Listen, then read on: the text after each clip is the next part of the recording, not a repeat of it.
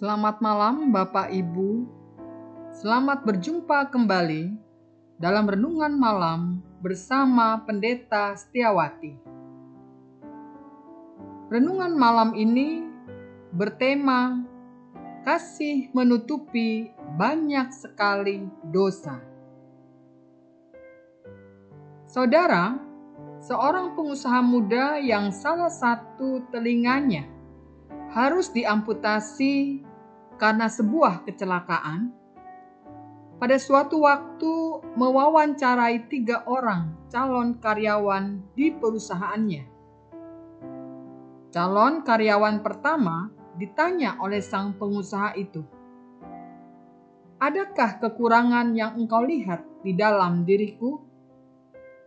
Dengan tersenyum dan penuh percaya diri, ia menjawab, "Iya, jelas. Bapak tidak mempunyai telinga." Pengusaha muda itu tersinggung dan langsung mencoret namanya dari daftar karyawan yang diterima. Kemudian, ia memanggil calon karyawan kedua dengan pertanyaan yang sama, ia bertanya, "Adakah engkau melihat kekurangan di dalam diriku?" "Ada, Pak," jawabnya dengan sedikit gugup. "Hmm, Bapak hanya memiliki satu telinga." Pengusaha ini pun langsung mencoret nama karyawan itu. Dan akhirnya sampailah pengusaha itu kepada calon karyawan ketiga. Dibanding dua calon karyawan lainnya, terlihat orang ini kurang meyakinkan. Dengan menghela nafas, si pengusaha ini pun mengajukan pertanyaan yang sama lagi. "Hmm, adakah engkau melihat kekurangan di dalam diriku?" Dengan yakinnya dia menjawab, "Pasti ada, Pak. Saya yakin Bapak memakai soft lens." Tiba-tiba pengusaha ini tersenyum dengan gembira. Ia mempertimbangkan untuk menerima calon karyawan ini karena ia tidak melihat kekurangan orang lain. Namun, Meskipun begitu, ia heran juga. Bagaimana orang ini bisa tahu kalau ia memakai soft lens? Lalu dia berkata, "Engkau hebat sekali, hai anak muda. Tapi bagaimana engkau tahu kalau aku pakai soft lens?" Tanya si pengusaha itu penasaran. Jelas pak, bapak tidak mempunyai sepasang telinga untuk menggantungkan kacamata. Betul kan pak? Tanyanya dengan polos. Eh, iya, iya betul. Jawab bos itu. Lalu ia pun langsung menerimanya sebagai karyawan di perusahaannya.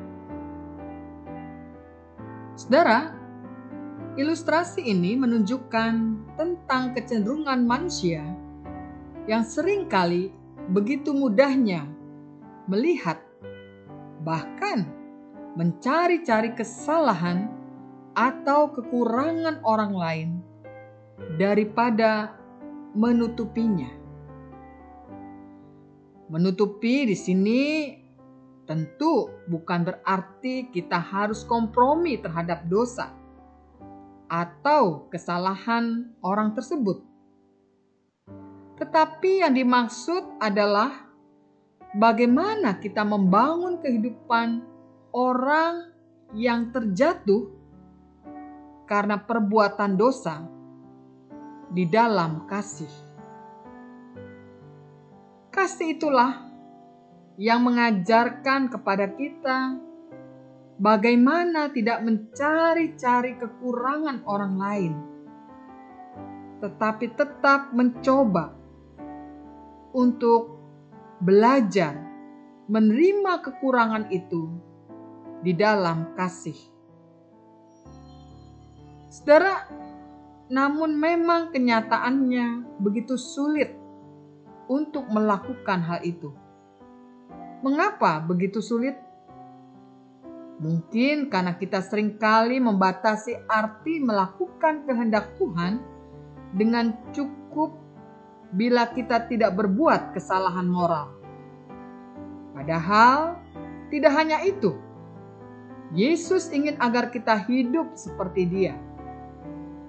Kalau kita percaya kepada Dia dan mengaku hidup di dalam Dia, kita wajib hidup sama seperti Dia hidup. Itulah yang tertera di dalam 1 Yohanes pasal 2 ayatnya yang ke-6. Nah karena itu, bila kita menemukan saudara seiman kita yang berbuat salah, maka kata Rasul Paulus, kita yang rohanilah yang perlu menuntunnya kepada kebenaran. Tertera di dalam Galatia pasal 6 ayat 1 bukan malah sebaliknya, membongkar atau membeberkan segala macam kesalahan-kesalahannya, seperti seorang reporter yang berhasil menemukan berita yang mahal. Contohnya, pada waktu ketika Tuhan Yesus melindungi seorang perempuan yang berbuat zina dan menghindarkannya dari hukuman razam Sikap Yesus di sini bukan berarti melindungi perbuatan dosa perempuan itu, tetapi Ia melindungi orang berdosa. Jadi, kita harus membedakan melindungi perbuatan dosa dengan melindungi orang berdosa. Hal ini dilakukan Yesus untuk menggagalkan rencana iblis untuk menjerat manusia ke dalam dosa. Ingat, pasti tidak ada seorang pun yang bercita-cita menjadi manusia berdosa, bukan? Di atas kayu salib pun Yesus mengatakan, "Ya Bapa, ampunilah mereka sebab mereka tidak tahu apa yang mereka perbuat." Yesus saudara-saudara bukannya tidak tahu kalau mereka adalah orang-orang berdosa yang dengan sadar melakukan kejahatan. Tetapi sebaliknya, Yesus dengan penuh cinta kasih mau menutupi atau menanggung dosa-dosa mereka agar orang-orang berdosa dibenarkan di hadapan Allah. Itulah ciri dari sifat kasih itu ia memulihkan kehidupan orang berdosa. Karena itu, yang terutama harus dilakukan atau kita lakukan adalah kasihilah sungguh-sungguh seorang akan yang lain, sebab kasih menutupi banyak sekali dosa. Tertera di dalam 1 Petrus pasal 4 ayat ke-8. Amin. Saudara, mari kita bersatu di dalam doa. Malam hari ini kami menaikkan rasa syukur kepadamu Tuhan untuk firman-Mu yang mengingatkan pada setiap kami bahwa kami adalah orang-orang berdosa, orang-orang yang tidak benar. Tetapi di dalam kasih Engkau menutupi atau mau menanggung dosa-dosa kami. Tuhan, karena itu ajarlah kami juga ketika kami berjumpa atau bertemu dengan seseorang yang melakukan kesalahan, kekurangan, atau dosa. Ajar kami, Tuhan, untuk tidak membongkar-bongkar kesalahan atau aib orang lain, tetapi kami belajar untuk menutupinya di dalam kasih, untuk menjaga kehidupannya, supaya aib yang dia lakukan tidaklah menjadi sesuatu yang harus diumbar kepada orang lain, tetapi kami belajar untuk mengajaknya kembali ke dalam kasih Kristus, sehingga ia boleh mengalami pembaharuan di dalam hidupnya. Tuhan, malam hari ini kami bersyukur untuk sepanjang hari dalam pimpinanmu yang boleh kami lalui. Dan karena itulah, sebentar lagi kami akan mengistirahatkan seluruh tubuh kami yang lelah dan penat ini. Dan biarlah melalui istirahat yang engkau berikan, kami mengalami kekuatan baru.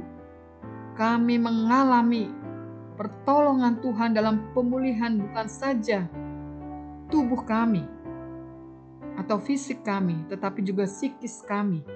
Sehingga di esok hari Tuhan, kami punya kekuatan baru untuk melakukan hal-hal yang baru, kesempatan-kesempatan yang baru, supaya kami boleh senantiasa berjalan dalam kesetiaan kami melakukan kehendak Tuhan. Terima kasih atas semuanya ini Tuhan. Di dalam namamu kami berdoa. Amin.